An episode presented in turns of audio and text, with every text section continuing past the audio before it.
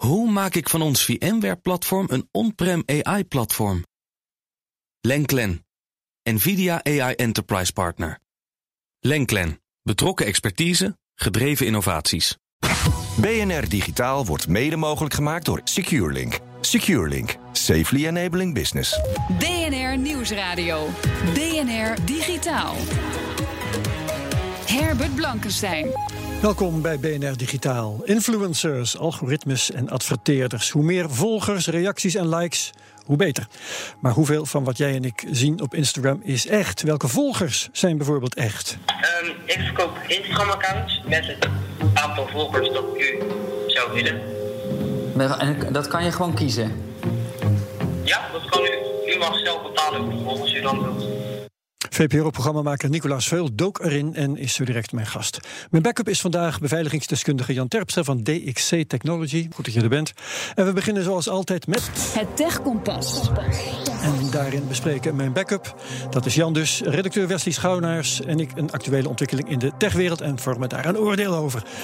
Wesley, uh, we gaan het hebben over de tijd dat... Uh, de tijd die we op onze smartphones doorbrengen. Precies. In uh, navolging van Apple en Instagram komt Google vandaag ook uh, met een uh, app die heet Digitaal Welzijn en is nu te downloaden dus in de Play Store. Um, het is eerst alleen beschikbaar overigens voor de Android One toestellen en de Pixel telefoons om nog even volledig te zijn. En de app laat zien hoeveel tijd jij op je smartphone besteedt.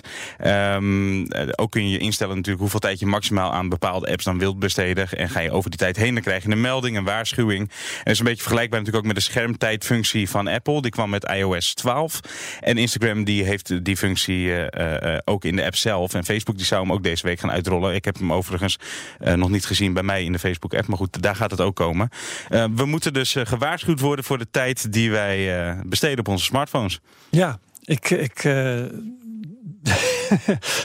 ik weet niet wat ik daarvan moet denken. Ik, nou, vind het ja, ik weet wel dom. Ik, Jan, ja, vertel ja, ik weet wel hoeveel tijd ik op die smartphone zit. Vertel. Te veel. Te Echt veel. gewoon veel te veel. En ik, ik ken wat mensen in mijn omgeving die eigenlijk gewoon ja, op gerechtelijk bevel gedwongen zouden moeten worden om zo'n app te installeren. Want die zitten echt elk moment met, de, met hun in oké, maar jij, jij zegt nog te veel. Ehm, dan kun jij toch gewoon, in plaats van zo'n app te installeren, er minder naar kijken. Ja, dat probeer ik ook. toch Eh, volwassen? Ja, dat is zo. Maar, maar sinds de zomervakantie, dat ik op vakantie was en tijdens mijn vakantie gewoon gratis wifi had, toen besefte ik me dat ik wel heel veel tijd op dat scherm zit en te weinig tijd eh, besteed aan mijn liefhebbende ega met wie ik op vakantie was. En überhaupt het vakantiegenieten op zich. Zitten jullie dan in, een restaurant allebei naar je smartphone te kijken? Soms zitten we naar elkaar, te, naar elkaar te appen van de ene kant van de camping naar de andere kant van de camping. Met elkaar appen eh, dat je minder moet appen, waarschijnlijk. ook Ja, dat zou bijvoorbeeld kunnen. Ja. Ja. Wesley, ehm, zit jij te veel achter je smartphone? Ja, veel te veel. Veel te veel. Ik Waarom doe je er niet gewoon zelf wat aan in plaats van Nou, over apps te praten die dat voor je doen? Ik denk dat dit eh, ook wel iets persoonlijks is. Ik erger me er eigenlijk niet zoveel aan. Ik betrap me er wel op. Ik, denk, ik twijfel ook nog wel eens van, nou, moet ik inderdaad niet minder gaan doen? Maar aan het einde van de rit ehm, denk ik dat ik eh, ja, toch wel durf te zeggen dat ik ook voldoende aandacht heb voor de anderen om me heen wanneer dat nodig is. Het zijn vooral de, de loze momenten tussendoor waarbij je misschien prima iets nuttigers kan doen. Maar waarbij je toch even die telefoon uit je broekzak pakt of hem even van het bureau pakt, want daar ligt hij vaak dan al. Ja. Eh, en dan toch even koekeloert of dat er nog iets op social media of wat ja. dan ook eh, te zien is. Ja, een, sa- een saaie scène op eh, tv. Nou, je pak je automatisch die telefoon. Ja. En ik heb me nu aangewend om dat ding gewoon op het dressoir te leggen. Dat die buiten rijkwijde ligt. En dan blijf ik wel mijn aandacht bij het televisieprogramma houden. Maar het, het sluipt erin. Hè. Het, het is iets wat ja, een soort met van gewoonte is geworden. Net zoals Maar- je neuspeuter eigenlijk. De hamvraag is: moeten we nu blij zijn dat de Google, Facebook, Apple en dergelijke ons zelf voorzien van apps om dat smartphonegebruik te beperken? Ja, ik vind het een beetje de omgekeerde wereld. Dat, de dus ook. smartphone jou vertelt dat je minder op de smartphone moet zitten. Ik denk dat je, je- ik denk dat je jezelf dat moet realiseren. En, en met name de jongere generatie die echt de hele dag met zijn neus boven het scherm hangt. Ja, toch denk ik wel dat het voor sommige personen misschien wel goed kan zijn dat ze gewaarschuwd worden. Alleen, Ja, maar de mensen die het echt nodig hebben, die gaan natuurlijk zeker ook zo'n app niet installeren. nee, dat, is, dat wilde ik net zeggen. Dat is de vraag dus aan het einde van de rit of dat het nou heel veel zin gaat hebben, effectief gezien. Ik heb daar mijn vraagtekens bij. Amen. BNR Nieuwsradio. BNR Digitaal. Als je iemand wilt zijn op Instagram, dan heb je zoveel mogelijk volgers nodig die je zoveel mogelijk van je liken en zo vaak mogelijk een reactie achterlaten. Vooral voor online influencers. Wat zijn dat? Dat zijn de sterren van Instagram. Is er alles aan gelegen om gevolgd te worden door zoveel mogelijk eh, mensen, zal ik maar zeggen. Daar hebben we het zo over. En als je die niet vanzelf krijgt, namelijk, dan koop je die gewoon. Programmamaker Nicolaas Veul dook in die wereld achter Instagram en maakte er de documentaire hashtag Follow Me over. Hij is nu mijn gast. Welkom. Hallo. Nicolaas. Hi. En ook bij ons, maar dan aan de telefoon, is Instagram-expert Joyce Nafsker, auteur van het boek Instaproof. Welkom, Joyce. Goedemiddag. Hallo. Uh, eerst uh, maar even een vraag aan Nicolaas. Uh, we weten dat er een levendige handel is in nepvolgers, want dat bestaat ook op Twitter, dat bestaat ja. ook op Facebook bijvoorbeeld. Ja. hoe groot is die handel bij Instagram precies? Nou, dat is heel moeilijk te meten, want het is, ja, er zijn een heleboel verschillende soorten handelaren. maar je kan zeggen dat er 100 miljoen nep-accounts bestaan op Instagram. Dus dat is één tiende die, ja. je kan, die er nu ongeveer worden gemeten. Ja. Dus het is een grote business. Waarom ben jij speciaal in Instagram gedoken? Omdat dat het sociale medium van het moment is. Eigenlijk heeft Facebook een beetje afgedaan, Twitter ook. Uh, iedereen zit nu op Facebook. En dat is het favoriete broertje eigenlijk van uh, Facebook, Instagram. Um, en daar, ja, daar hebben we het eigenlijk nog niet echt over gehad. We hebben het natuurlijk over Facebook gehad als het gaat over uh, de trollen en de verkiezingen. Ja. Um, en er is veel kritiek op. En nog te weinig op Instagram. Wat vind jij zelf uh, in je documentaire de belangrijkste ontdekking? Ja, de, de, de, ontdekking dat mij het meeste raakte was dat. Uh, bedoel, ik had wel verwacht sterren kopen natuurlijk. Uh, volgers. Um, Natuurlijk zeg je, hebben die dat nodig dan? Je nou ja, kijk, dat, dat bedoel, sterren kochten ook al een eigen singeltjes. Dat bedoel ik. Ja, uh, ja, de, ja, weet je, dat ze volgers kopen, dan kan je van denken, ja, dat gebeurt. Dat, dat verbaasde me tot op zekere hoogte. Maar uh, ik sprak een groothandelaar en die zei: een van mijn grotere klanten zijn ook kinderen, jongeren op de basisschool en middelbare school. Ja, en die, ook, willen, die willen populair zijn. Die willen en ook hun ouders die voor die kinderen kopen. Voor Sinterklaas. Nou ja, je, je krijgt een volgers in je schoen. Maar kijk, je kan er natuurlijk om lachen. En het is natuurlijk een beetje grappig. Ook, ja. Maar het is ook een beetje verdrietig. Ja. Dat, want heel veel jongeren um, ontlenen hun identiteit aan hun social media presence, hè, aan wie ze zijn online. Daar zijn heel veel onderzoek over. En als ze dat doen aan een wereld waarin nep en echt helemaal door elkaar heen loopt, ja, dat, vind ik dat, dat vond ik uh, een klein detail, maar best wel zorgwekkend. Ja, um, absoluut. Meer nog dan dat influencers uh, of gewoon mensen eens even een paar likes kopen of, of, volgens erbij. Ik bedoel, dat moet je ook niet willen, maar dit vond ik een uh, detail ja. wat me erg opviel. Ja. Jan Terpstra, jij bent ook actief op Instagram? Ik ben actief op Instagram. voor, mijn, voor mijn fotografiebedrijfje. niet te veel, want ik post maar een paar keer per week. Maar het valt me wel op dat als ik een, zelf iets post met bepaalde hashtags, dat ik binnen een paar minuten het aanbod krijg van buy followers met een of andere cryptische naam. Als, uh, want ze, ze, moeten elke keer weer nieuwe accounts doen. Uh, standaard rapporteer ik dat, want ik vind dat je dat niet zou moeten doen. En dan vinden men, sommige mensen me misschien een verschrikkelijke nazi. Maar iemand die mij benadert om uh, de regels te overtreden en daar geld aan te verdienen, dat past niet binnen mijn referentiekader. Dus ja, daar, ga ja. ik, daar ga ik tegen in. En uh, ja, ik heb niet zo heel veel volgers. Uh, ik vind het ook helemaal niet zo belangrijk, eerlijk gezegd. Oké.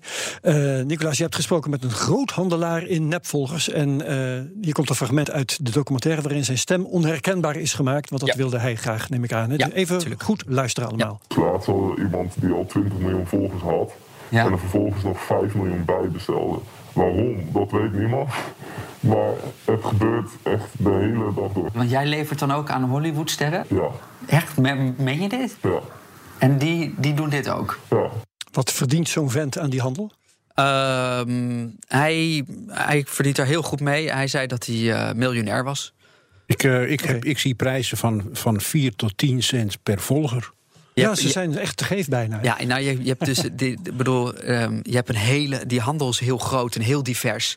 Dus je hebt heel goedkope nepvolgers, maar je hebt ook, ja, ze worden gemaakt door computers, maar je hebt ook heel geavanceerde en die zijn een stuk duurder, maar die zijn, ja, het gaat uiteindelijk door tot echte volgers. Die kan je ook kopen. Hoe beter de volger, de, hoe, hoe, beter de nepvolger, hoe meer je betaalt. Dat is logisch, alle waarheid naar zijn prijs. Nu even naar uh, Joyce uh, Nasker. Um, die handel bestaat dankzij het algoritme van Instagram. Hè. Kun je ongeveer uitleggen hoe dat werkt dan? Uh, zeker. Uh, makkelijkste manier om het uit te leggen is dat het een soort uh, domino is, ouderwets domino. zo was het in ieder geval. Het is onlangs weer veranderd en sindsdien weer ondoorgrondelijk. Maar het kwam erop neer dat jij een foto postte en het dan aan een x aantal van je volgers werd getoond. Mm -hmm. Vaak was dat ongeveer 10 procent. Um, als die 10% binnen het eerste uur ongeveer jouw foto liked, dan wordt het weer aan een x aantal volgers getoond. En zo gaat het steeds verder. Dus eigenlijk is die eerste groep Uh, jouw, uh, jouw eerste uh, zeg maar domino-steentje, die is het belangrijkste. want engage die niet, laten die geen likes of reacties achter, dan sterft je post eigenlijk af. Ja. Je hebt dus echt volgers nodig die onmiddellijk reageren. Een volger die niks doet, wel. heb je niks aan. Ja. Nee, heb je helemaal niks aan. Dus dat engagement is heel belangrijk. En dat wordt dus enorm gefaked. Niklas. Oh. We gaan zo direct verder. Ja, ja. bedrijven willen natuurlijk dat hun merk bij echte mensen terechtkomt. Daar hadden we het over. En ook Instagram zelf wil van die nepvolgers af. En dat bespreken we zo. BNR Nieuwsradio. BNR Digitaal waarin we het hebben over de handel in nepvolgers op Instagram. Nicolaas, Instagram heeft maandag bekendgemaakt dat ze de strijd aangaan met die nep-accounts, nepvolgers, nep-likes. Verband met jouw documentaire?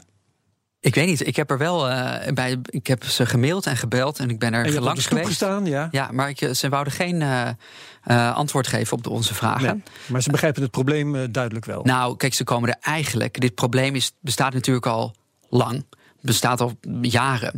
Ze komen er nu pas mee dat ze er iets willen aan doen. Maar ze hebben natuurlijk heel lang ook profijt gehad van al die bezigheid op Instagram. Uh, want er wordt ook op, fraude, uh, moment, op manieren gefraudeerd.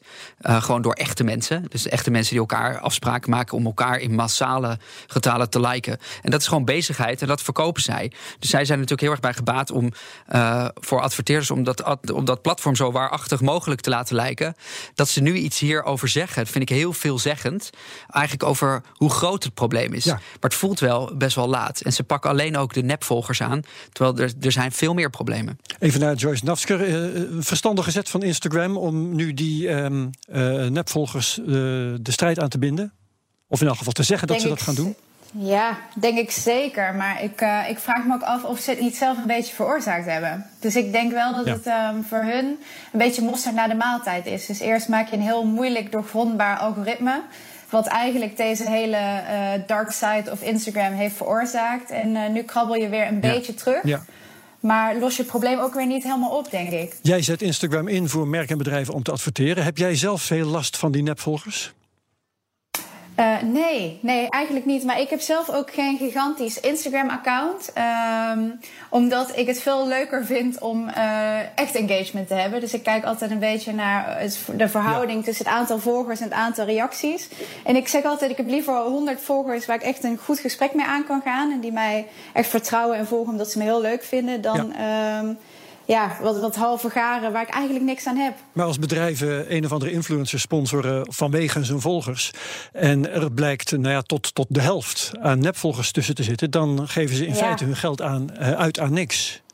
Aangebakken lucht, zeker waar. Ik, uh, ik check het ook eigenlijk altijd wel zelf. Ik zag in de documentaire van Nicolaas dat uh, er ook bedrijven voor zijn. Dus gelukkig. Die um, En ik dacht altijd, ja, die het herkennen. En ja. ik dacht altijd dat ik dat wel zou kunnen. Maar sinds ik de documentaire heb gezien, vraag ik me af of je echt wel kan zeggen van ik weet een nep account of een gefaked account van een echte te onderscheiden. Of in ieder geval, ik durf, er, ik durf te zeggen dat ik kan doorgronden waar nepvolgers of likes zitten. Ja. Ik, ik weet niet meer of ik dat durf te, durf te, te, te zeggen. Oké, maar Nicolas staat ja. wel te populair. Nou ja, de, het, het is dus zo. Kijk, um, we weten een beetje van die nepvolgers. Dat weten we al. We denken, nou, dat zijn robots en die herken je wel. Maar achter de schermen is een enorm kat-en-muisspel bezig tussen degene die die nep-accounts maken en degene die ze willen opsporen. Maar het is eigenlijk zo dat er enorme netwerken zijn, die computer, door computers worden aangestuurd, van mensen die elkaar liken uh, commenten en volgen. Dus ja, het, het, is nu een beetje ingewikkeld om uit te leggen, maar het zijn gewoon eigenlijk door nou, computerbestuurde echte accounts. Het zijn mensen die eigenlijk uh, worden aangestuurd door grote computerprogramma's, waardoor je dus niet meer kan weten dat niemand kan zien wat echt en wat nep is. En dat is natuurlijk voor de business een probleem, maar dat is ook een probleem als er politici gebruik van gebruik gaan maken of ja. bedrijven die iets willen verkopen of noem maar op. Het systeem is gewoon hartstikke lek en we moeten echt vragen waar staan we nu met z'n allen. Ja, waar staan we met z'n allen? Jij bent security expert. Dit soort wapenwetlopen, daar weet je van alles van. Uh, ja, daar weet ik van alles van. En er wordt artificial intelligence ingezet om uh, aan beide kanten om te kijken van hoe maak ik dat volgersnetwerk zo natuurlijk mogelijk. En ook hoe uh, onderschep ik zo'n volgersnetwerk. En dat er gebruik wordt gemaakt van volgersaantallen, niet noodzakelijk nepvolgers. Ik weet zeker van twee BN'ers dat ze op Instagram robotjes draaien om uh, volgers te oogsten. Want ik krijg van een al een paar keer van één bekende Nederlander, waarvan ik de naam maar niet zal noemen, uh, steeds verzoeken om hem te volgen. En ik ben niet de enige, want uh, in mijn kennissenkring hoor ik... ja, ik krijg een volgersverzoek van hem, ja. maar ik, ik, weet wel wie het is... maar kijk mm -hmm. nooit naar zijn programma. Ja, ja.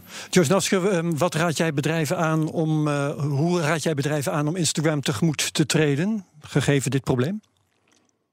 Uh, gematigd enthousiast? Nee, onzin. Uh, ik, nee, ik, uh, ik denk dat Instagram voor bedrijven een heel goed middel is. Ik zit nu bij een, uh, bij een beautymerk waarbij ik gewoon merk van zodra zij een influencer inzetten, nou komen de, de likes en de volgers die stromen gewoon binnen en de sales gaan ook omhoog. Dus het ja. heeft wel degelijk effect. Maar je moet er wel kritisch in zijn. Dus denk niet van, oh, deze, deze beauty influencer heeft 100.000 volgers. Ik ga voor haar. Ja. En ga misschien juist voor, voor die micro-influencers met, met 10.000 volgers, is ook wel heel veel.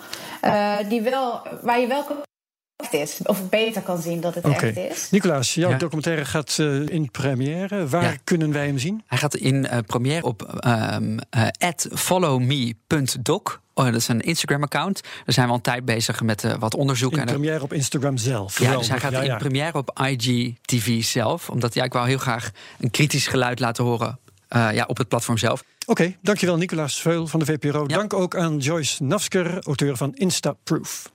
BNR Nieuwsradio. Herbert Blankenstein. Vista is misschien wel een van de meest bekritiseerde besturingssystemen van Windows, van Microsoft. Inmiddels zijn we drie besturingssystemen alweer verder. En dat roept de vraag op of Vista nou eigenlijk wel zo slecht was. Misschien krijgen we wel heimwee naar Linus. Tech Tips zocht het uit en Wesley Schouwenaars bekeek het verslag. Things strike fear, or perhaps loathing, into the hearts of PC enthusiasts more than the words Windows Vista. Het is januari 2007 als Windows Vista beschikbaar komt voor de consument. And that's really when the excrement hit the air circulation unit, so to speak. Oftewel, het gedonder is daar. Te beginnen bij de benodigde hardware. So the hardware requirements were higher than probably anyone expected, which meant that at launch, Vista was slower than its predecessor on equivalent hardware. So users accused Microsoft of packing the OS full of bloat as part of a conspiracy to force them to upgrade their computers. En daar bleef het niet bij. Veel drivers van bestaande hardware worden niet geüpdate.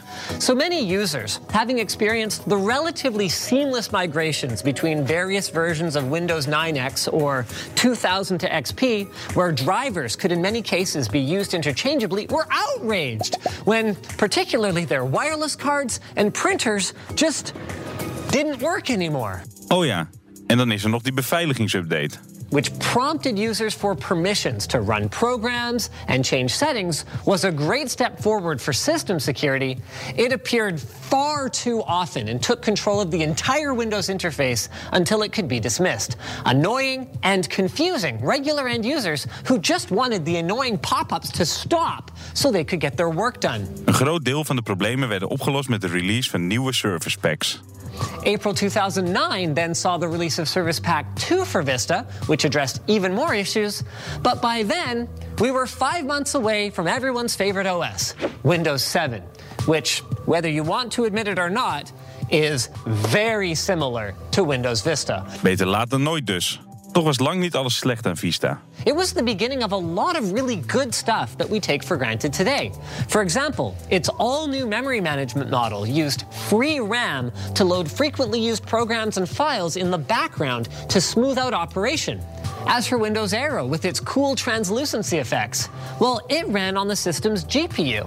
So if you had a discrete graphics card, and you weren't experiencing crashes, which not everyone did, by the way. I didn't.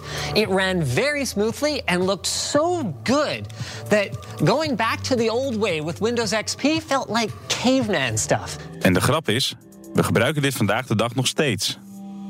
Tijd voor de hamvraag. Was Vista that bad? yes. And also no, which together makes yo, because yo, man, for real. For all its faults, and there were many, Windows Vista was a huge, if wobbly, step in the right direction. Its main issue, I think, is that by the time it had really gotten to the point where it was usable, Windows 7 was right around the corner and Vista's reputation had been irreparably damaged. So, despite the tech and feature advancements, Vista will and should continue to go down in history as the worst Windows launch ever.